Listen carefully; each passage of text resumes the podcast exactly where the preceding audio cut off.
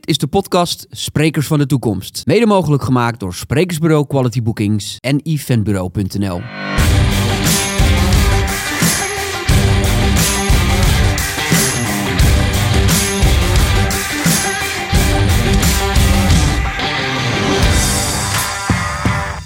Van harte welkom bij podcast nummer 71 alweer. Sprekers van de toekomst. Oftewel, hoe word jij, die nu zit te kijken en te luisteren, de betaald spreker van de toekomst? En vandaag iemand in de studio, ja, die we allemaal zeker kennen als iemand uit de Champions League van de Nederlandse sprekerswereld. Hij is er hoor, Remco Klaassen. Ta, ta, ta. Finally. Ja, eh, enorm naar uitgekeken. Ja, ik, je moet ook heel erg zeggen dat ik van de meeste namen van eh Spreek van God, kan je die niet een keer uitnodigen? Jouw naam altijd wel eh, hoog bovenaan stond. I love you very much. Ja, nee, dat is waar. Maar ik ben ook fan van de podcast. Dat vind ik leuk om te We horen. hadden in de voorbespreking al iets van, ik, ik ben per ongeluk in dit vak gerold. En door jou ben ik veel meer gaan kijken van, wat gebeurt er eigenlijk? En hoe snap zou, je- ik een nieuw, hoe zou ik het nu doen als Ja. ik opnieuw zou moeten beginnen? Je snapt nu je eigen carrière iets beter. Het is een hele leuk. Kijk, ik geniet op de bühne en daarom blijf ik er. Maar het Ja. is echt een mooi beroep. Ja. En ik schrok van die 32, 230.000 eh, sprekers in, op LinkedIn die jij in je nieuwsbrief. Ik denk, nou gaan we eens praten over het mooie vak. Ja, nou ja, goed. Ik bedoel dat natuurlijk wel. En jij, jouw naam komt altijd naar voren in bijna alle podcasten. Jij bent natuurlijk ook best wel een inspiratiebron geweest voor heel veel sprekers. Eh, je bent ook een van de weinige echt broodsprekers, om het zo maar te noemen. Kan niks anders. Ja. Ja. Maar jij zegt altijd, ja, dat is zo per ongeluk op mijn pad gekomen. Hoe is dat zo per ongeluk op je pad gekomen dan? Ik ben, ik heb twee carrière switches gemaakt. Ehm, eh, ik ben IT'er van oorsprong, technisch ingenieur. Maar ik, ik stak wat af, dus ze hebben mij... eh, ik was minder nerdish. Oké. Dus ze wilden mij meer naar de salesrol, een soort selling consultant. Nou, daardoor Maar kwam wel ik... gewoon programmeren. Ja, ik heb Oké. gewoon... eh, ik heb Windows-applicaties Oké. gemacht en Microsoft Programming. En toen was je Eh, 20. eh, ik heb geen idee wanneer studeerde ik af, 24? I don't Oh. Oké. Ja, Ehm, maar goed, ik zat bij Eckhart Winsen. Eh, ben je zo... Ja, dus, Nee. je bent tien jaar jonger of langer, meer nog. 43. Oh, sorry. Ja. En eh, die, die had ehm, ehm, heel veel opleidingsbudget voor de, voor de nerds, voor de techneuten. We moesten echt, wij waren ook eh, de, de meest mensgerichte techneuten, denk ik, van allemaal. Omdat ze mij richting de sales wilden hebben, kreeg ik ineens andere vakken. Dus eh, NLP in de communicatie leren. En, en ik ben verliefd geworden op het, gro- het groeisegment. En dan heb ik ook nog eens geluk gehad dat we zoveel budget hadden dat ik bij de, bij de auteurs kon gaan jatten. Dus ik, ik ben niet in de klas gaan zitten bij Nederlandse napraters, hè, wat ik zelf ben. Maar ik ben bij Stephen Covey in de klas zitten. Hè, Tony Robbins hier, een mooi poster. Eh, dus ik ben me gaan volladen met die persoonlijke ontwikkelingsmarkt. Eh, letterlijk aangegaan. En zo aan dat ik er niet, niet over kon praten. Dus dan ga je eerst loop je leeg op je, op je partner en op je vrienden. En eh, toen kwam er een moment van in 1994, voor fuck zeker, dat is echt een tijdje geleden, dat ik dacht van eh, misschien is dit een beroep. Dus ik heb eh, een zaaltje gehuurd in de Carolus in Valkenswerd, dat is de lokale muziekschool. En daar heb ik een paar stoelen neergezet, de flip over gekocht, publiek gekocht, letterlijk. Ik zeg, ik, Publiek ik- gekocht. ja, Oh, ik je hebt zeg- gezegd van joh, voor- Zi- ik, ik heb stoelen, ik betaal de zaal, ik betaal de koffie, de pepermuntjes. Want ik moet praten. En toen ben ik gaan lullen. En eh, ik lul nog steeds. Ja, en wat het leuke was, dat ik had een, een workshop gemaakt van drie keer een avond. Ik denk buiten Mhm. de file, dan eh, hebben mensen tijd. En ik vond het zelf zo leuk. Ik genoot misschien nog wel meer dan mijn publiek. Maar het publiek vond het ook leuk. En de tweede keer heb ik maar de helft toeverkopen. Toen had ik er een stuk of vijf die van de vorige groep. Van hé, je moet eens naar die Klaassen luisteren. Kost, kost geen drol. En eh, dan hoef je niet zoveel te lezen. geld heeft hij voor je gedaan. En nou, toen is het ehm, eh, ehm, langzaam heeft mijn hobby, dus mijn, mijn leven geconsumeerd. Ja. Maar goed, dan doe je jezelf eigenlijk wel tekort door te zeggen dat het per ongeluk is ontstaan. Want juist deze stap, het huren van een zaaltje, zorgen dat er Ja. mensen zitten, is misschien wel Ja. de stap die de meeste sprekers Er zat vergeten. wel onrust. Er zat wel iets, eh, er was wel een vuurtje aangegaan. Ja. Dus ehm, je hebt, eh, ik ben best fan van jouw podcast. Zeker de, die eerste series die jij alleen hebt die vond ik sterk. Over de, de, de auto, wanneer ben je authentiek en Ja. moet je op de bühne authentiek zijn. Ja. Dus er is wel iets gebeurd in mij waar, waarbij ik helemaal aanging. Ik, ik denk het eerste echte moment toen ik al een hint had kunnen hebben van Klaasje, je kompas staat verkeerd. Was eh, bij Center Parks. Ik heb daar in de animatie gezeten. Ik werd betaald om mensen eh, lol te maken bij mensen. Ja. Goddelijk beroep. Ja. En ik was daar DJ. Eh à la skihut. Dus sfeertje maken. Ja. En op een gegeven moment viel er een om in eh, het team. En toen moest ik een bingoavond overnemen. Dus ik denk, nou ja, hoe moeilijk kan dat zijn? Mi- microfoon en cijfers roepen. Ja. Maar eh, dat was zo leuk. Er zaten met Franse, Duitse, Engelse, Belgen de, de hele zaal vol. Een aantal kutproductjes als prijs. Het ging nergens over. Maar we hebben daar drie uur staan punken met, met twee man. Waar Willem Ruijs jaloers op zou zijn geweest. Van, hey, dat is... En toen ging er dus iets aan dat ik dus op de bühne geen pijn had. Of eng, of zweet, of eh, moeite met ademhalen. En dat ik mezelf kon zijn en mensen kon laten lachen. En toen is denk ik... Had, je dat dan, die- had je dat naast het podium wel? wat Dat bedoel je, je, nou? dat je angstig was en... eh, Nee, nee, maar ik, ik, ik denk, nou, ik eh, spreken voor publiek, dat herken ik wel. Ik heb een, een, een video, eh 8 milli opname, die moet ik nog een keer digitaliseren. Dat is zo ontzettend leuk. Dan zie je mij eh, achter de strijkplank van ons mam. En je weet als Brabant Ja. dat dat niet Ja, jouw moeder man. is. Ja. En eh, een eh overhead project, dat is nog pre-PowerPoint tijd. Met van die flibberlief velletjes Ja. sta ik daar drie kwartier de meest waardeloze presentatie op aarde te geven. Omdat ik aan het voorbereiden was voor mijn afstuderen. ja. Dus eh, genieten op de bühne zonder gêne en zenuwen was voor mij wel nieuw. Want ik had dus op school wel die angst. Ik zweet uit mijn elleboog. En dan zitten geen zweetklieren, dus dat is bijzonder. dus, eh, dus toen had ik zoiets van, hé, hey, er is een modus, er is een type Remco... die gewoon zichzelf kan zijn, als waren het met zijn maten. Eh, terwijl er 200 man zit. Ja. Maar wat betekent het dan? Want dat, dat, dat is iets wat heel veel in deze podcast voorbij komt. Hè? Je moet authentiek zijn, je moet Ja. jezelf zijn. Maar Ja. ja. Eh, het klinkt zo simpel, maar het is voor de meeste sprekers het ingewikkeldste wat er is. Ja. Want ieder gaat een soort van toneelstukje opvoeren. Ja, en dan kom je er niet. Ik ben er heilig van overtuigd. Ik, ik vond jouw podcast met eh, Gijs en Jonas. Mhm. Er zat eentje was de zielenknijper. Gijs of Jonas, die ook alleen maar op authenticiteit. En, Ja. ja. en die zegt ook duidelijk, was er zo mee eens van... hey, je moet wel puur zijn en kloppen. En je trauma's een beetje overwinnen. En oké zijn met jezelf. Ehm, de mensen die wij, in, je noemde net de Champions League, de mensen die ehm, al, al bijna 30 jaar op de bühne zitten, die zijn in een vergadering precies hetzelfde. Als ik met Jan Verzetten zit te praten aan de, aan de telefoon of in een vergadering, of met Jos Burgers of met Tegelaar, die zijn op de bühne niet anders. Dus als je met mij de Man Cave, maandagavond heb ik met twee maten de Man Cave, Mhm. dan bespreken we het leven, dan komen er goede wijnen en dan zijn al de filters kapot. En eh, als je dan niet veel anders bent dan op de bühne, denk ik dat mensen dat ook voelen. Dus een, een deel van eh, mijn quote-unquote succes is dat spiegelneuronen. Mensen zien dat ik het zo ontzettend naar mijn zin heb. En dan neem je ze in mee. Dus en authentisch, dat kun je niet faken. Nee. Je kunt niet gelukkig doen. Nee. Nou, als mens ben je natuurlijk geïnteresseerd in andere mensen. Hè, wat je ook op een podium staat te doen. Dus als, als dat mens naar de achtergrond verdwijnt, omdat je niet authentiek bent, Ja. ga je geen aanknopingspunt vinden met Nee. het publiek ook. Maar het is iets narcistischer, denk ik, dan zoals jij het nu stelt. Ik, eh, op de heenweg heb ik Pilacek eh, geluisterd. En Ja. die, die zei dat hij van 50% van de mensen nog de naam weet en de casus. En Ja. die heeft een interesse in de mensen in de zaal. Ik heb die klik niet zo nodig. Ik heb meer de klik met de lol die ik zelf heb.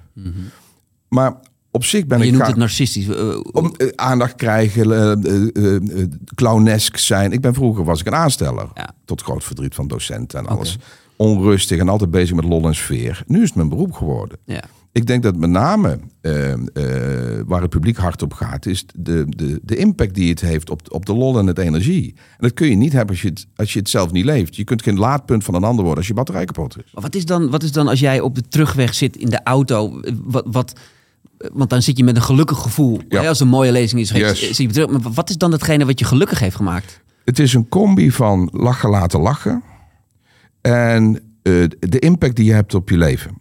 Ik, heb, ik trek een spoor van vernieling in, in mijn bestaan. Kijk, eh, wij zijn ook voor Sprekers voor de Toekomst. Dat is eh, de titel waar jij expert in bent. Ehm, dat is eigenlijk een, een bijbaantje. Ik ben 80% van het jaar, 75% van het jaar trainer. Meerdaagse programma's, zeer intens. Een complete wasstraat voor je ego en je ziel. En, en daar breng je zoveel teweeg. Ehm, eh, mensen uit de kast. Mensen die met een relatie beginnen of stoppen. Mensen die eh, eh, zakelijk uit de kast komen. Van hey, zichzelf pas echt ontdekken en dat durven displayen. Mensen die stoppen met bedrijven, starten met bedrijven. Dat is zo ontzettend gaaf. Dus ik heb een, eh, een preekdeel. Als ik mezelf psychologisch probeert te dissecten. De, dissecten, wat de fuck is dat? Ehm, ontleden. Ja. Heb ik een prekersdeel en een clowndeel. ja. En die combi is goud. Dus, want Sprekersdeel, sprekersdeel is meer eigenlijk Preek- mensen preek. willen helpen met, met groeien, zeg Ja, maar. Ja. Dus ehm, ehm, mijn vrouw en ook Hans Jansen wel een beetje, eh denkproductie Ja. vaker besproken wel, Ja. vinden de prekerdeel bij mij indrukwekkender. Die hebben mij het liefst serieuzer. Mhm. En, maar mijn batterij eh, energiemanagement zit ook meer op de entertainer. Dus ik hou van wetenschap platslaan. Ik hou van een cabareteske manier van. Dat is niet strategie. Mhm. Jan Jos en ik doen het goed omdat wij nogal tegen de humor leunen. Maar dat is, niet, dat is nooit strategie. Jos was al leuk toen hij mijn Ja. HBO-leraar was.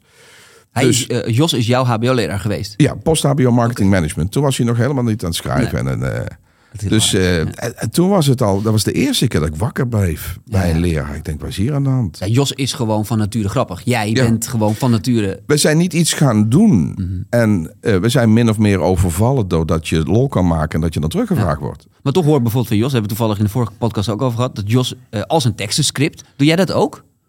Ben jij een scripter? Of, of doe je maar wat? Bij mij is het nog erger. Het is niet meer gescript. Ik ben ermee vergroeid. Je kan me s'nachts wakker maken en dan ergens in de 40 uur van de 3,5-daagse de flip over laten zien. En weet- dan ga ik. En dan, het voelde in het begin. Ik, Maar daarom, hoe rijmt dat met authenticiteit, zeg maar? Want dat, is soms, geen idee. want dat is soms moeilijk dan op... op Ik heb het wel eens proberen te vergelijken met ehm, Tina Turner. Dat is misschien een gekke bocht eventjes, maar die heeft denk ik 16.395 keer Private Dancer gezongen. Ja. En als je in haar, ik, heb, ik ben zelf death metal fan voor fuck's sake, maar ik heb haar programma een keer eh, meegemaakt, haar show in Utrecht, Galgenwaard, met mijn moeder erbij. Allebei eh, dik in de 60. En dat was zo'n gave show. Dus het is niet het, eh, het liedje wat ik zing. Het is de energie die je voelt met de groep en het effect en de waardering die je voelt. Ik krijg er nog eens muntjes voor. Dus ik, ik snap, eh, Tina Turner, die heeft 16 comebacks gemaakt. Op een gegeven moment geloofde niemand meer toen ze zei, want ik stop. Eh, Oké Tina, het is goed, tot volgende week. Eh, ik heb, als ik iets te lang vakantie heb, jeukt het weer. Dus ik ben niet zozeer... Ik heb wel Mhm. Is, het, is, het dan, is het dan niet bijna een verslaving? Oh ja, ik ging helemaal stuk in corona. Toen Ja, had ik die. we zouden het niet shots corona hebben in de podcast. Ja, maar, Ja, maar, toch, maar- toch. de- toen werd het voor mij dramatisch duidelijk dat ik niet zozeer een leraar ben, maar dus die clowneske spreker. Dat is mijn, mijn levensader. Ik, Mhm. Ja. ik, ik, Toen stond je ineens voor een camera in plaats van een publiek. vreemd genoeg werkte de, de technieken wel. Want ja, je, je, ik zag verbaalmeeschap net staan. Ik, ik, ik heb er een sport van gemaakt om te snappen hoe je beïnvloeding doet. En leuk genoeg is dat programma daarna ook weer succesvol geworden, want het werkt gewoon. Dus ik snap, eh, ben me ook gaan verdiepen in de how-to's. Maar de basis van mijn eerste paar jaren waren gewoon flow. Ik heb ehm, die, die, die eh, wat ik zei met die muziekschool, die sessies met ge- gekocht publiek, heb ik ehm, uren na zitten schrijven. Dus dan had ik dingen gezegd. ik dacht, Fuck, dat is gaaf. Dus ben ik aantekeningen gaan maken na de training. Dus ik geloof, ehm, hoe heet die gast ook weer? Cicek Michalik, de man die Flow heeft, Hongaarse psycholoog. Nee, ik weet zijn naam niet. Nee. Die heeft over flow geschreven. En ik geef heel veel les over concurrentie. Ik denk dat ik per ongeluk ben geland op de ultieme passie-talent mix. Dus dat wat mij het meest voeding geeft in de manier waarop ik me gedraag naar anderen. In combinatie met daar waar ik het meeste lol in heb. Dat eh, heb ik gewoon dus ontdekt. En eh, Maar zit jij ook echt met lol op de terugweg? Of, of, Ja. of voel je iets anders? In de, in, in, ik voel heel veel dingen. En misschien zijn er ook woorden bij die... Nee, maar ik ben gewoon. Kijk, ja, Ja. Ik, ik zit misschien een beetje te graaf hoor. Als je te veel Nee, moet je ook zeggen. lekker door. Ik, Maar ik, eh, ik- kijk, jij bent natuurlijk. eh, ik denk dat 80% van de sprekers die bij mij op kantoor komen, die spreker willen worden, zeggen: "Ja, Ik heb ooit een keer Remco Klaas gezien, dat wil ik ook. Bijvoorbeeld. Dus je bent ook echt een voorbeeldpositie. Daarnaast ben je ook een van de weinigen, want je hebt het even over centjes gehad. Nou ja, je hebt er ook je hebt goed centjes verdiend met, met eh, het spreken. Moet Dus twee parkeerplaatsen gebruiken hier. Precies, dus je, je, je auto past niet eens meer op één parkeerplaats. En zo bescheiden als dat je bent Ja. gebleven. Ehm, maar dus, dus eh, iets fascineert mij aan Ja. jou. Hè? Want, want je zegt dan ook zo, ja, het is allemaal op mijn pad gekomen. Wat, Ja. waar we eigenlijk al achter zijn gekomen dat dat misschien wel helemaal niet zo is. Want je hebt het ook wel heel erg zelf gecreëerd. Je bent zelfs mensen gaan betalen in eerste instantie om naar je lezing te komen kijken. Dus er, er moet ergens iets, en ik, wil, ik ben geen psycholoog, dus ik kan niet uitleggen wat het is, maar er moet ergens iets bij jou zitten wat jou zo ongelooflijk drijft. Ja. Het is een combinatie van inside-out. Het is dus echt iets waar ik naar verlang. En daar zit dus narcisme, cabaretisme en dat breken in. Is cabaretisme Ik heb een woord? geen idee wat ik zeg. Maar de- in de context van de, waar we nu zitten, denk ik dat mensen het snappen. Dus het vuur zit er. En ik denk dat dat al eh, een groot deel van je succes kan betekenen. Mensen met vuur in de ogen. Of het nou een notaris betreft, of een huis, huisarts, of een IT'er. Mensen met energie en lol in hun werk, dat is eh, besmettelijk. Ja. Ik heb een, een paar jaar geleden moest ik eh, gekeurd worden voor een nieuwe AOV. En ik kom daar bij zo'n keuringsarts. Nou, een zwart gat. Ik, en hij zei, "Je- u weet waarom u hier bent, hè? Ik zeg, nou ja, ik ben te dik, dus het zal wel weer over de bloeddruk gaan. Nee, nee ik zei, het, was andersom. Ehm, ik heb een melanoom gehad, dus dat komt altijd in dat soort gesprekken weer naar voren. Zeker Ja. bij de verzekering. Ik zeg, ik zal weer over melanoom. Nee, u bent te dik. Ik zeg, eh, oh, goedemorgen. En daarna nam hij mijn bloeddruk af. Ik denk, die man zat zo negatief. Ik denk, hoe zit je in je vak? Hoe, hoe de fuck sta jij dan op 's ochtends? Dus het vuur is... De, ik ken mensen die nul eh bühnetechnieken beheersen. Nul verbaal meesterschaptechnieken beheersen. Eh, als een dwaas heen en weer over de bühne. De handen niet gecontroleerd. Maar tot tranen aan toe indruk maken. Ja. Ik had eh, Erik van Hetzelfde. Het is toch Erik van Hetzelfde, de onderwijs? Ik van Telten, ja. Ehm, die, die, die heb ik niet echt betrapt op eh ge- geanceneerde trainingstechnieken. Nee. Die heeft mij Dus het technische gedeelte aan Een- spreker. uur bij Ja. de noten gehad. Ja. Ik kon hem niet fatsoenlijk bedanken met tranen in de coulissen. Ik was heel sneu, maar ik, ik huil ook om niks. Dus dat, Maar dat, denk, maar dat is dat dan is toch goed. authenticiteit? ja, en zo'n persoon kan met de trucken die we hebben verzameld. Want wij, wij Ja, ja. vinden het. een, eh, voor ons enigma is: wanneer kun je een broodspreker worden of niet? Ja. En het, er is heel veel te trainen. En ik denk dat je mensen echt eh, met, tot het niveau kunt brengen dat ze eh, een tonnetje pakken met trainingen of lezingen of binnen het bedrijf. Maar dat laatste zetje blijft voor mij een hele spannende. Hoe kom je door de filters heen en word je door de grote congresbureaus gevraagd? Ja. En daar dat is zit denk gelukt. ik alleen dat, dat, dat echt zijn. Ik heb eh, iemand een keer gehad, een maat van mij, die, eh, die was wat in de war van de, de, de, de spullen. De huizen werden anders, de vakanties, de auto's. Hij zei, Klaas, je bent toch leraar geworden? Want ik was eh, commercieel manager bij een beursgenoteerd IT-bedrijf. Ja. Ik had het helemaal gemaakt Ja. in de ogen van mijn omgeving. Maar ik liep dus leeg. Ja. Dus hij zei, je hebt toch je, ontslag genomen. Het was toch allemaal spannend destijds. En eh, je bent leraar. Ik zeg, ja. Maar hoe kan dat dan met die, eh, spullen? Ja. Ik zei, nou kom ik er mee. Nou, toen had ik ehm, eh, een dag volgens mij bij ASR. Met, met- toen had ik Mark Lammers eh, erbij met de, hockey. die was mijn support act. En ik had de ochtend... en Ook had, veel gevraagd, spreker. Ja. Doet het fantastisch. Is ook leuk. Ja. Dus ik had eh, eigenlijk het grote deel van de dag. En we hadden daarna een signeersessie. En eh, ik had die gozer dus meegenomen. En die stond in de buurt. En ik wist zeker dat hij mij kon... eh, niet wist dat ik hem kon horen. Op een gegeven moment zegt hij tegen een andere cursus van... Die, die Klaassen die is op de bühne net zo gek als thuis. En toen begon het denk ik te landen. Ik denk, als ik het lef heb om hier met jou en op de bühne... of het nou Afas Live is of de Beatrix Theater... net zo relaxed en lol kan hebben als met mijn maten... dan heb je dat deel al geborgd. Want daar hoef je namelijk niet over na te denken. Ik hoef niet na te denken over hoe ik remco moet zijn. Dus die zak cellen is gewoon aan... En Maar hoe doe je dat dan? Want is dat dan, is dat dan eh, want ik, ik hoor wel eens, ja, je moet de confrontatie aangaan met je demonen. Je moet, eh, hè, dan pas kan je. eh, Heb je daar iets psychologisch voor gedaan om Ik druk er elke ochtend een demon uit en voor de rest eh, ga ik als een speer. eh, Sorry, kan dit trouwens? Ja, dit kan wel. dit kan wel. Het heel grappig. Nee, ik heb moeten leren dat ik eh, moet temperen voordat ik op de bühne ben. Oké. Ik ga ehm, ehm, mijn doelgroep, Wat temper mijn, je dan? eh, de passie. Oké. Anders kom je te eh, clownesk, te pretletter. Want dan denken mensen, wat Ja, is dat voor een raterband achter persoon? Dus ik, zeker omdat mijn eerste 15, 20 jaar toen eh, met Hans Groen eh, bij Focus, Mhm. eh, had ik executive development. Ik ben over geluk gesproken, die heeft mij in het voorprogramma van Steven Covey geplaatst. En dat is mijn katapult geworden. Dus Hans Groen en Hans Jansen zijn mijn Henny Huismans. Ja. Dus ik was al Ja. tien jaar Hoe, lekker zijn, bezig. zijn die op jouw pad gekomen of heb je gezorgd dat die op je pad Ja, we zijn hebben het gekomen? een keer proberen terug te vinden. Volgens mij is Wanda de Kanter mijn broodvrouw geweest destijds. Dat is een vriendin, eh, dat is een longarts eh, in eh, het Rode Kruis ziekenhuis in Beverwijk. Ik was, Jaap van der Heuvel is fan van Steven Covey, is fan van mijn manier waarop ik mensen in de war maak. Dus die heeft mij binnen de zorg gebracht. En Wanda heeft mij de, de brug gegeven naar de, de medici. Want die hadden geen tijd en geen zin. En dan missen ze de snijuren. En zij was zo onder de indruk van mijn 3,5-daagse... dat zij ehm, eh, heeft geholpen om die mensen ook in het programma te krijgen. Want we wilden dwars door de hele organisatie trainen. Nou, Wanda de Kanter is een vriendin van Hans Groen.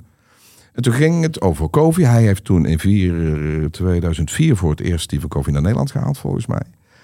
En toen ehm, eh, had ik, er zit dus een jaar ervoor. Toen had ik dus de 3,5-daagse al bij hem in zijn curriculum. Door Wanda, die zei van die Klaassen, die heeft een modus gevonden om effectief leiderschap echt naar binnen te marcheren. En Hans wilde dus daaraan verdienen. Ja, hij is gewoon een Ja, eh, marketeer. Tuurlijk. Ja. En die zei, dan moet ik jou in het voorprogramma voor Kovi hebben. Want dan gaan we daarna melken op die 1100 man. Ja. En toen is begonnen. Ik heb zeven- 18 jaar, denk ik, eh, bij Hans Groen in eh, het programma gezeten. Ja. En eh, volgens mij tot op de dag van vandaag een van de best beoordeelde sprekers. Maar, maar dat is dus... ehm, we hebben het er straks even gehad van... Ja, kijk uit, niet te vaak zeggen geluk. Want je wil graag strategieën extraheren Mhm. van de, de succesvolle sprekers. Maar er zijn dus een aantal momenten geweest die mij ook hebben geholpen. Ja. Misschien was het, als ik die niet had gehad, later gelukt. Want de drive zat Ja. erin. Ik heb Henk Dijkstra, eh, was mijn werkgever bij eh, Ordina, Hightech Automation destijds. Ehm, en die heeft mij de kans gegeven om trainer te worden binnen zijn bedrijf. Want ik faalde als selling IT-man. Dus dat is een, een, een moment. We hebben een boswandeling gemaakt. Waar ik in ging, het bos inging. Het wordt, wordt niet eng hoor. Ja, ja, ik, eh, Samen met je baas ik- het bos in. Ik ging er in, in als commercial manager. En elkaar- ik kwam eruit als personal development manager. Dus toen heb ik een speeltuig gekregen om los te gaan op, op, op lesgeven. Ja. Toen kreeg ik steeds meer vragen van klanten van Ordina. Eh Ericsson, IT'ers, eh, eh, eh, directeuren zei, die IT'ers van jullie kijken anders uit hun ogen. Wie, wat gebeurt er? En dat was dus mijn wasstraat. Ik had daar al die modules gemaakt. En zo krijg je iedere keer dat er een, een, een stapje ontstaat. En dan Hans Groen op mijn pad, via Wanda de Kanter. En dan kom je in het voorprogramma van Kovi. Ik heb dat totaal vijf keer gedaan. Ja. De eerste keer ben ik beter weggeschreven dan Kovi zelf door de journalisten. Oké. Ik, ik, ik ging ook helemaal goed. Ik had een klik met de groep, de humor landde. En toen hebben een aantal mensen gezegd van eh, de hoogtepunt van de dag was die gekke Klaassen. Nou, dan krijg je Ja, ineens, ja, want toen hadden we nog geen. TikTok en Insta en al die dingen. Maar dan heb je ineens dat er ook uitgevers komen. Hey, ik kan ook schrijven. Ik zeg, geen idee, laten we het gewoon doen. Hè? Pipi Langkous. Mhm. Ik weet zeker dat ik het kan, maar ik heb het nog nooit gedaan. En Maar goed, je bent dus ik- wel overal ook de kansen die voor je voor Ja, je je moet wel- ben je wel vol ingedoken. Maar goed, daar zijn wij al van overtuigd. Eh, je moet op de bühne wel iets kunnen. Maar Ja. dat is het lastige, dat laatste stukje. Ik heb eh, met Hans Jansen, wij kijken net zoals jij, de, de markt. En we houden in Mhm. De gaten. Want je wordt honderden keren per maand gebeld met allemaal wannabes. Zelfs je naam wordt soms. Ik, ik, ik ben een hele goede. Je kunt me vergelijken met Remco. Wat de fuck? Dan gebruik je een soort merknaam. ja, als Remco niet kan, dan kan Ja, ik. en ik heb ook negens en tienen. Maar eh, ik wil niet te eh, hard zijn naar de wannabe speakers. Als je geen negens en tieners haalt, kun je sowieso niks beginnen. Maar negen, als je applaus krijgt eh, bij Heren Bier in de bijkeukendivisie, als je een goal maakt, Mhm. is het niet hetzelfde als je moet scoren tussen Jan van Zetten, Jos Burgers, Ben Tegelaar en Robert Cialdini. Dus je hebt ook nog levels. Dus negens en tieners halen zou wat mij betreft de default zijn voor het overwegen van een sprekerscarrière.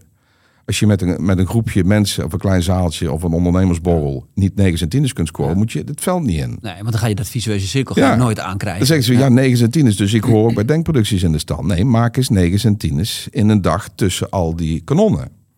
En dan, dat Dan laatste deel, dat weet ik nog steeds niet goed over hoe ik daar mensen in kan begeleiden. Ja. Want hoe kijk, je, hoe kijk je voor de rest naar de, naar de sprekersmarkt? Je, je hebt een sprekersbureau, je hebt evenementenbureaus. Je, hebt, je, hebt, je hebt voor alles en iedereen wel een keer gewerkt. Het Hoe, lijkt het ultieme vangnet voor alles wat faalt. Sorry, dit, dit kan wel de laatste podcast worden van mij misschien. ja, waarschijnlijk wel, maar... Het lijkt wel alsof je, of spreker, het, eh, het, eh, eh, iets is wat iedereen nog kan.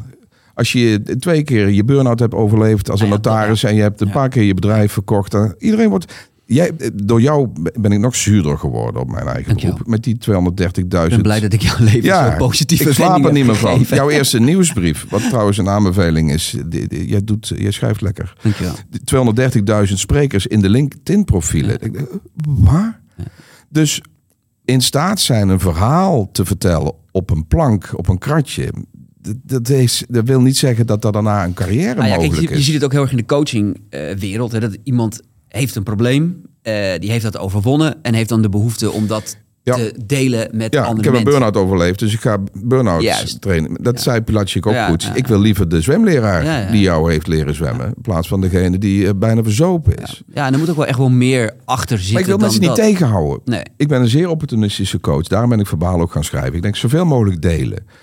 Maar het, ik denk dat jouw zin toen straks uh, hout snijdt. Het lijkt te makkelijk. Ja. En niemand heeft die eerste tien jaar van mij gezien. In die Precies. kutzaaltjes, driehoog achter. Precies. En dat stoempen. En dan zie je, zit je te shine op de bühne. Maar daarom vind ik de het ook zo laatste leuk. weg. Daarom vind ik het ook zo leuk dat je nu ook zegt van... ja, ik heb mijn eerste zaaltje zo. Ik heb die mensen... Want, want eh, eh, voor jou lijkt het wel natuurlijk alsof alles zo op je pad is gekomen. Maar je hebt het wel zelf gecreëerd. En de meeste sprekers kijken nu naar jouw agenda... En naar je auto en denken... godverdomme zeg, die verdient een partij geld... met, met, dat, met een beetje slap ouwe hoer op het podium. Ja. Je met Maar jezelf zijn not- en grappen maken. Maar dat is niet hoe, hoe het werkt. Het is een Nee. vak, het is een bedrijf. En kijk, voor Ja. jou zijn dingen als een merk rondom jezelf creëren, je marketing doen, dat, dat is een natuur. Maar je doet het wel. Nou, ik heb eigenlijk alleen maar referral handel gehad. Tot nu toe. Ik zit 28 jaar in het vak. Ik ben nu voor het eerst als ondernemer wat meer aan aan het gaan. Ik heb een nieuwe directeur, Annemijn Klaassen. Mijn eh, oudste dochter. Daar heb ik jarenlang tegengehouden. Ik zeg, niet- geen carrière maken onder papa's vleugels. Eerst een corporate cv. Mhm. Dus die heeft vijf jaar Efteling HR gedaan. En, en nu drie jaar de BUAS.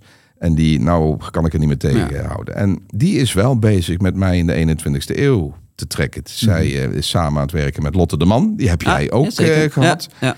Dus het is, het Maar is was live. het nodig, Remco, naar de... Nou, ik- ik wil wel blijven lol maken. Ja. En in je eentje achter die strijk, strijkplank van, van je moeder terug, dat, dat wordt het niet. Dus ik, ik, ik ben een hele bange onderne- ondernemer. Ik denk elk jaar dat het afgelopen is. Ja. En mijn broodheren en dames zijn aan het pensioneren.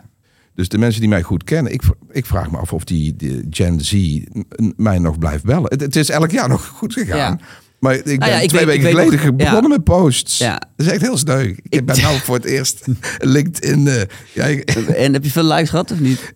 ja, de eerste ging Oh. als een dolle. Dat was erg gaaf. Met, met eh, sokken, if it is to be. Ja, die hele generatie zegt, denk, god, daar is die Remco eindelijk. Ja, die, die echt te- te wachten Hij op leeft LinkedIn. nog. Hij leeft nog. Dus eh, puur uit angst om de bühne te verliezen, ben ik wel Ben jij een angstig persoon? Ja, dat deel wel. Ja. Eh, eh, eh, ik ben ooit geëniagrammificeerd. Ik ben de zeven, de lolzoeker, maar dat, daaronder zit de pijnvermijder. Ik wil het niet, niet leuk hebben. Maar is het ook een beetje, ehm, eh, als ik het zwaar maar moet je zeggen, maar zit er bij jou ook niet een soort van angst voor, voor de dood en, en het eindigheid van het leven in? Nee. Dat je daardoor een exceptioneel leuk ik leven ervan wil maken? Want ik heb veel te druk. Dus ik moet eerst naar... nou, ik, ik, ik heb gezegd, ik word 84 en dan Ja. flikker ik van de bühne en dan begraven ze me. Nee, dit, dit is echt de, de, de angst om geen lol te hebben. Ja, Want eh, als je zo vergroeid bent met je beroep, de Tina Turner syndroom, laat maar zeggen. En de zaal is leeg, dan sta je erg voor lul met je rokje en je private dancers eh, tekst. Ja. Ja. Dus eh, dat, de angst dat het ophoudt is wel key. ja want ik weet nog dat in de, in de, in de coronatijd dat we met z'n allen op Clubhouse zaten. En ik weet wel dat het voor jou ook wel. Dat, toen hoorde ik een beetje uit jou, jouw betogen op social media. Dat je ook een beetje zoekende was toen van god. Een eh, beetje, ik was compleet lost. Ja, Clubhouse, de, het was de laatste vijf minuten van corona. wel jammer dat dat gestopt is, of niet? Ik vond Wij het vonden het wel leuk, of leuk. niet? Ik vond het, maar dat was weer een klein injectietje aandacht krijgen. ja. Toen wij en Bas Smit... En, eh, Ah, we- we zaten overal. Honderden mensen kwamen ineens. Als wij live gingen, is zag- super ging, grappig, ging zo'n room open. Nu is het een, soort mo mokro scheldhuis geworden. hè. Het bestaat nog. Ja, het is ik alleen Ik heb het maar... van mijn telefoon afgehaald. Ik, ik, kijk Ik weet niet wat er aan de hand is. Maar goed. Ja. Maar toen voelde ik ook weer die enorme zucht naar met elkaar praten over Ja. het mooie van het leven. Ja, en Dus, van het eh, vak ook. Want kijk, uiteindelijk is het wel een mooi vak wat we hebben. Ge- ja. Toch? Ja. ja. Misschien is dat de uitleg van die 230.000 mensen die het ook willen proberen. Eh, het is leuk. Uh, Maslowiaans ha- haalt het de piek. Zelfactualisatie, je kop op een folder, je borstbeeld op het marktplein. Mensen die applaus geven. Dus ehm, Maar heb jij wel eens erover nagedacht? Of doe jij, coach je wel eens andere sprekers? Help je eh, mensen wel eens verder het vak in? nee, soms eh, struikel ik over cursisten waar ik zo'n klik mee heb. En dan gaan we een soort trajectje in. Ik heb het geprobeerd eh, met Maarten Oosterhoff, verbalenmeesters.nl. Op een of andere manier kregen we het fundament niet goed. Ik denk dat er nog steeds leven in zit. Maar dus dat we vanuit het, mijn blauwe boek meer begeleiding gingen doen. Maar ik voel me een beetje de generatie papa van uh, uh, Thijs Lindhout en Sidney Brouwer en Mark Korsen en nou, dat is al, uh, Glenn Vergoos, dat soort gasten. Die zijn in die 3,5-daagse zo aangegaan op het programma zelf. Ja. Daarna verliefd geworden op verbaal meeschap. Ze zijn daarna teruggekomen in de 3,5-daagse puur met alleen de, de bril van verbaal meesterschap. Dus eerst word je gewoon genaaid door de meester. Uh, dan ga je de wasstraat in. En daarna ken je alle trucs. En dan ga je kijken naar de trucs. En toen werden ze alleen maar gekker. En uh, voor de dus op die na heb ik wel mensen die ik aanjaag. Want ik denk dat ik van die 230.000 die je hebt uh, onderzocht op LinkedIn. wel de aanleiding ben van veel. Ja, zeker. Want het is een aanlokkelijk ja, ja. métier. Ja. Als je iemand ziet genieten en je, die kan ook nog eens muntjes rapen. Ja, ja dat, dat is heel sexy, denk ik. ja. Maar ik zou niet weten hoe ik nou, als ik opnieuw, als wij eh, opnieuw beginnen nu, heb Blanco. Niemand kent ons Ja. in het sprekerswereldje. Ik lijkt me heel. Vroeger hadden wij de Kamer van Koophandel. Dan kost je, kocht voor volgens mij- 5000 gulden 10.000 adressen. En dan ging je Ja, dan folderen. ging je, eh, folderen, ja, 100%. Heb ik ook nog gedaan. zou Maar, niet ja, weten het, ik maar moet het, doen is, nou. het is toch, het is toch, eigenlijk is het makkelijker geworden. Zou je denken? Nou Ja, ik bedoel, wij hebben nog zitten, de postzegels zitten plakken tegenwoordig. Zeker als je kijkt naar, naar, naar eh, social media platform. Als je het een beetje slim inzet. En jonge mensen snappen dat. Je kan ineens miljoenen mensen bereiken. Ja. En, je- en je ziet het ook wel aan, aan Maar de kunnen ze op de bühne ook iets? Nou ja, oké, ja, maar goed, dat, dat, Want die 15 seconden dingetjes met elkaar dansen met je tieten vooruit. dat- dat- ja, het lijkt wel of je niet meer echt talent hoeft te hebben om volgers te krijgen. nee. Ik heb zo'n aflevering gezien bij Dr. Phil, waar een of andere influencer compleet verdwaasd, vergroeid ego liet zien. Mhm. Had niks meer te melden, maar had gewoon iets wat hij. eh hij Ja, had goed, je veel. ziet natuurlijk ook wel eh, mensen zoals Mike Plagic en Charlotte Labé, eh, eh, Tibor Olgers, Richard de Let, die allemaal op social media een mega bereik hebben gecreëerd en daar hun zalen mee vullen. Ja, ik, ja ik, ik moet het nog onderzoeken. Ja, Ik moet het nog beginnen, eigenlijk. ja. Dus eh, misschien moet ik. Dat, dat- misschien is dat wel het punt wat mij angst geeft, dat de tijd zo verandert. Ik, ik wil niet de Polaroid van, de van mijn markt zijn. Dat je gewoon kant- vergeten Ja, wordt. maar aan de ene kant verandert het, maar aan de andere kant eh, belt iedereen je nog steeds als ze een congres hebben. Nou, maar oké. Dus hoe, Ik denk dat dat. Laten we, laten we teruggaan naar. Hè, Ja. de, titel is Sprekers voor de Toekomst. Ik denk dat dat nog steeds de kern is. Wat voor een impact heeft jouw nabijheid gemaakt op de ander? Ik weet niet of ik het nu al heb gezegd of voor, in de voorbespreking dat ik cadeau ben gedaan. Die- Nee, Mag ik die vertellen? Die, kippenvel was voor. ehm de, jawel, december- je hebt je wel verteld. zelfde- Ja. Ook al hier? Ja, nee, niet in de podcast. Nee, sorry. Nee. Ehm, in december zat er een meisje van 23 in mijn 3,5 daagse. Dus mijn monsterproduct. En die was, had het, eh, die training als examen cadeau gekregen van de ouders die 24 jaar eerder dat programma met mij hebben gevolgd. En daar zit veel meer nog dan eh, marketing en mijn TikTok presence, wat ik niet heb. eh, de reden waarom ik gebeld blijf worden. Ja. En daarom heb ik ook voor mezelf over, ehm, eh, voorgenomen. Ik wil drie generaties trainen. De kinderen van die meid wil ik nog in de training hebben. En dat kan alleen maar als je een product hebt wat impact heeft, wat schade maakt, wat mensen beter maakt dan ze zelf dachten dat ze Ja. konden zijn. En dan ook nog eens leuk, we lachen. Ik had pas iemand die had mij dwars op de röntgenbank. Die zei, Klaas, als je de humor weghaalt, hebben we een kutweek gehad. Het ging over burn-outs en echtscheidingen en compleet totaal verfukte carrières en eh, kapotte batterijen en ziek en dood. Maar we hebben zo ontzettend gelachen en ik heb het gevoel dat ik de wereld aan kan. Ik denk, nou, dan eh, is er iets gebeurd. Ja. Dus, Ja. klinkt goed. Ik, ben- Ja. ben- ik was even eens met mezelf. Zeg ik Ja, dat? eh? nee, eh, helemaal met je eens. Weet dat, heb jij er ooit wel eens over nagedacht om, om internationaal aan de bak te gaan als spreker? Ja, Annemijn wil mij die richting ook in. Tegenwoordig kan dat met de AI. Ik hoef mezelf maar een kwartier in een hok te duwen en dan kun je een avatar maken en dan kan ik alle talen. Beetje, ik heb klanten verloren. Dat is mijn grootste verdriet van drie- eh, 2023 geweest. Ik heb 21 jaar Ormit getraind. Talent developers, Mhm. zo'n ontzettend gaaf eh, bedrijf. En daar ben ik uit eh, geflikkerd omdat ik niks in het Engels doe. En zij zijn aan het internationaliseren. Ik heb een van mijn slechtste optredens like ever was bij Maersk, de containerboer. Eh, de containers, ja. Want ik- mijn- mijn, Engels is very well. Ik bedoel, Yes. I'm in de IT'er. Dus, Yes. eh, Ehm, maar performing English blijkt dus echt wat anders te zijn dan conversational English. Ja. Dus ik had zoiets van, nou, dat kan ik wel. Ik ben vergroeid met de theorie, laat mij dat maar doen. Nou, ik heb daar anderhalf uur lang een bord zand zitten leeg eten. Dat was fucking waardeloos. Ik heb eh, de helft van mijn factuur terug. Ze vonden het een zeventje, maar ik denk, ik ga niet voor een zeventje eh, factureren. Maar er zaten ook nog eens Belgen, Fransen, Duitsers, Hongaren in de zaal. Dan ga je ook al Engels met Engelsen groeien in je taal. Omdat je de... Als je dan eh, van die minkukels die zelf het Engels niet beheersen, sta je daarvoor. Nou, het was vreselijk. Dus als ik het doe, eh, eh, ben, eh en Tegelaar is anderhalf jaar volgens mij naar Amerika verhuisd met zijn hele gezin. Die wilde echt ondergedoopt worden in de taal. En die kan nu professioneel Engels ook in zijn performances. Ik word tegengehouden door de comfort van de omzet. Als je het niet nodig hebt, ik stel het iedere Ja. keer uit. Maar ik moet een keer naar de nonnen in Vught. Ik weet niet of die nog bestaan. Die bestaan nog steeds. Ja. Want zeker mijn stijl. Kijk, ik, ik krijg de leiderschapsboekenplank die ik bij elkaar heb gejat en dus vertaal in mijn programma's. Eh, want daar hebben we het nog niet eens over gehad. Ik, ik heb heel weinig van mezelf. Ik ben gewoon alleen maar dieven eh, Ja. spullen aan het kopen. Content verzamelen. Content, maar goed, de content is dus goed. De rest Ja. is vorm.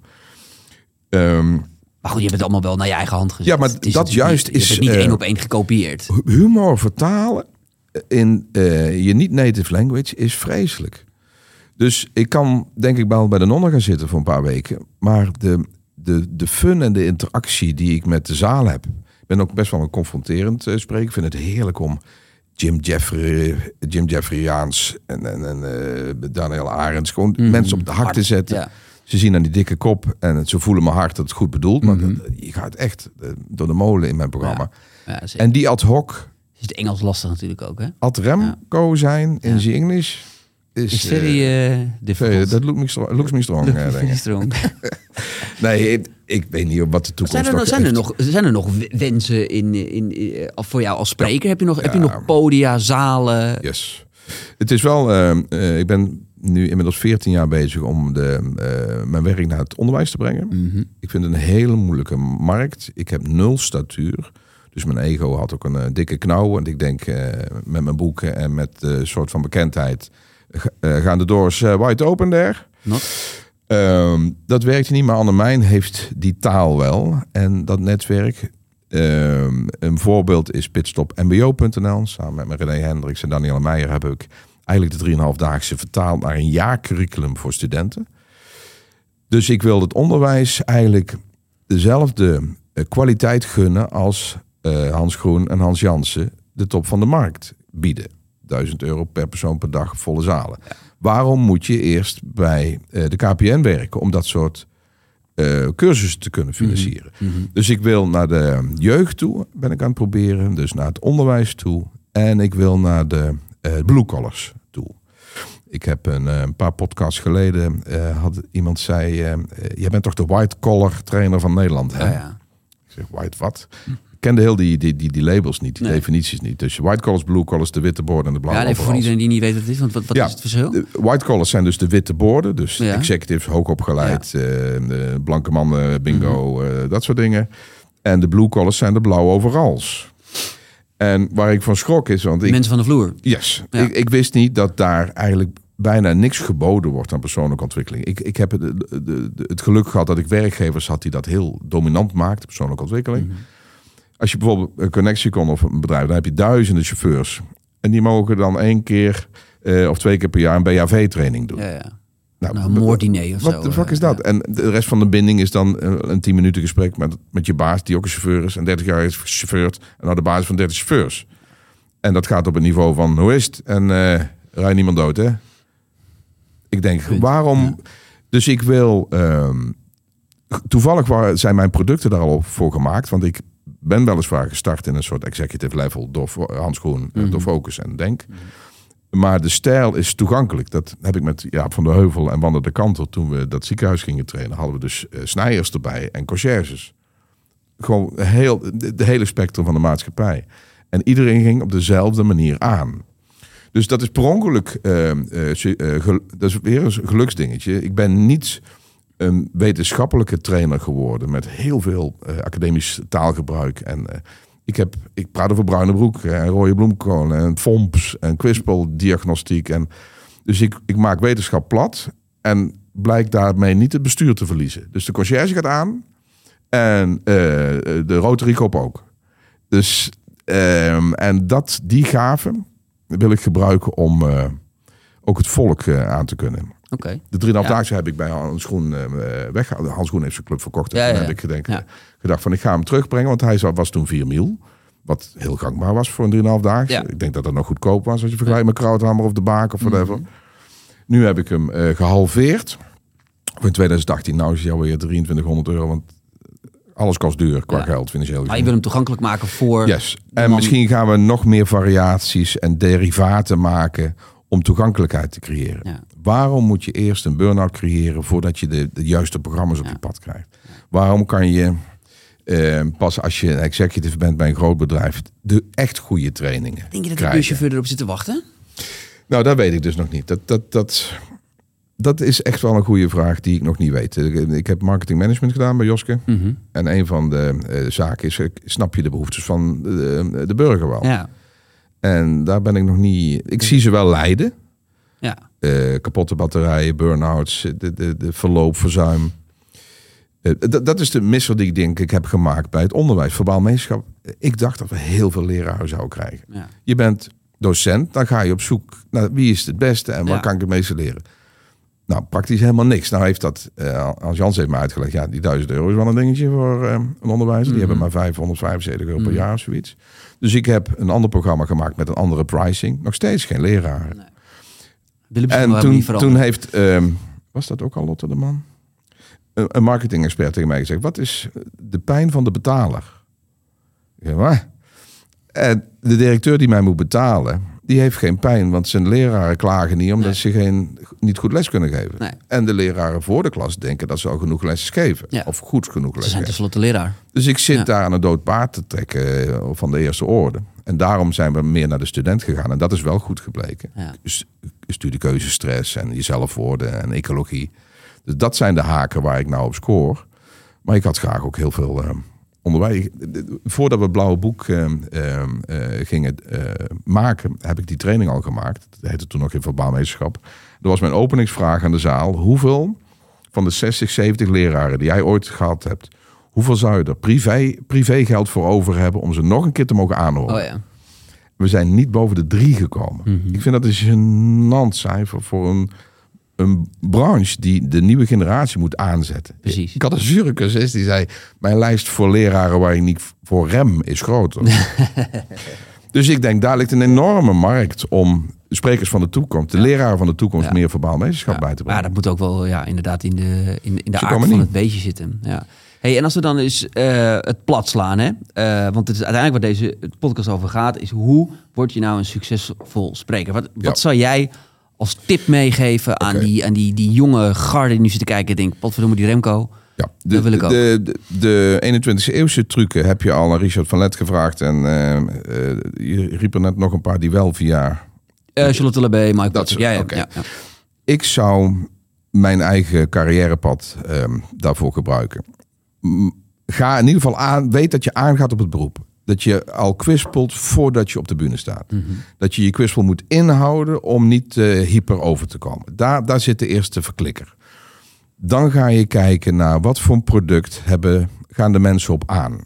Ik denk dat eh, ik eh, mijn producten 80% op vorm heb en 20% op inhoud. Inhoud is goed, heb ik gejat van de beste adressen. En de rest, ik heb bijna... Je had het, of was dat Glenn Vergozen met eh, Sydney, had het over buneblokken. Dat is een, een term van mij, maar co- comedians doen dat ook, blokken. Ja. Mijn 3,5-daagse zijn, denk ik, 22 blokken van anderhalf, twee uur. Die als Spielberg zijn ontwikkeld. Daar zit triple E in, dus educatie, empowerment, eh, entertainment. Dus ik probeer eigenlijk als ware een filmproducent mijn, mijn dag op te bouwen. Dus de blokken, voor de koffie, na de koffie, voor de lunch, na de lunch. eh, Mijn dag is 14 uur bijna. Dat zijn een stuk of zes, zeven blokken. Dat zijn allemaal speelfilms die binden, boeien en verwarren. Dus eh, er zit lol in, er zit muziek in, er zitten oefeningen in, er zitten het, tekstblokken in. Ik ben een heel erg performance trainer, dus eh, eh, interactieve workshops moet je bij mij niet eh, betalen, eh, afnemen. Ik kan niet luisteren, ik vind je helemaal niet leuk. Gewoon bukken en dan kan je... Ja, erin. Ja. Ze sneu beroep heb ik eigenlijk. Anyways. En die blokken, die blijven mensen zo ehm, eh, aan. Die, die zetten de mensen dus ook aan zoals ik zelf aan ben gegaan. Met een hele hoop onderbouwing. Dus die combinatie. En dan gaan, moet jouw publiek de volgende zaal eigenlijk vullen. Dan gaat die goed. Ik heb nog nooit sales gedaan. Ik doe wel voorbesprekingen en zo. Dus we hebben een pool. Maar jij hebt nog Market, nooit een hè? opdrachtgever opgebeld. hey, wat hebben jullie een toffe zaal? Kan ik daar een keer spreken? Nee, in 28 jaar niet. Luie Dat deed Hans Jansen. Ja, nou, luiheid past wel bij mij. Ik, eh, Maar moeten wij nou niet, want ik bedoel, eh, eh, eh, want jij zegt, ik, zoveel doe ik niet voor andere sprekers. Moeten we dan niet een keer tijdens onze eh, masterclass Sprekers van de Toekomst, moeten we daar dan niet gewoon een keer een masterclass met jou doen voor de sprekers? Ja, maar dan verleid je mij om verbaal meesterschap wat bedenkt draait, is 12 uur. Dan heb ik 10 uur bühne. Jouw masterclass wordt 3 uur. Ik ga geen drie uur staan praten daar. Nee, het is een hele dag, maar hoe heet dat? Eh, we hebben vorige keer bijvoorbeeld met Jos Burgers hebben we een sessie gedaan. En dan gewoon, het, kijk, weet je, wat het is, er zijn een hele hoop sprekers die dingen van jou willen weten, bijvoorbeeld. Nou ja, dat kunnen we toch in een hele leuke Ja. sessie een keer eh, Ik, eh, eh, faciliteren. Ik kom al. Voor de juiste prijs natuurlijk. Hè, want je moet wel eh, met Nee, de ja, billen je bloot, moet wel eh, een dikke, dikke knaken op tafel leggen. krijgt die tank weer niet vol om terug te je moet rijden. ook wel weer terug naar huis. Nee, eh, ik denk als we, maar dan gaan we het vraaggestuurd, denk ik, doen. Want anders ga ik gewoon weer zenden en dan kunnen ze beter naar mijn programma komen of, Ja. of mijn boek. Dan zou ik liever eh, met jou, want jij weet nog veel meer over het sprekersvak. Ik ben gewoon iemand die geniet op de bühne. Mhm.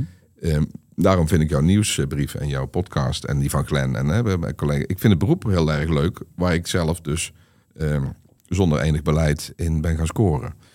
Dus eh, dan laten we jou de juiste vragen stellen. Mhm. En dan kan ik alleen maar de Rem- Remco-variant geven. Waarvan ik denk dat het nog steeds opgeld heeft. Als jij een product hebt waar anderen over praten... eh, dan krijg je een soort perpetuum mobile... die uiteindelijk jouw zichtbaarheid geeft.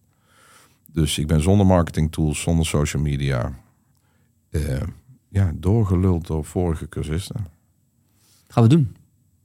Ik eh, vond het tof dat je er was. Is het alweer af dan? Het is, eh, nog wel... Het is alweer af. Of heb je nog een paar hele goede tips? Ja, ho- honderdduizenden, maar dit, dat zit meer op... Maar dan gaan we die masterclass Dat doen we bij de masterclass. Dat is meer on-stage tips. Spreken we af. Top man. Cool. Vond leuk. Leuk.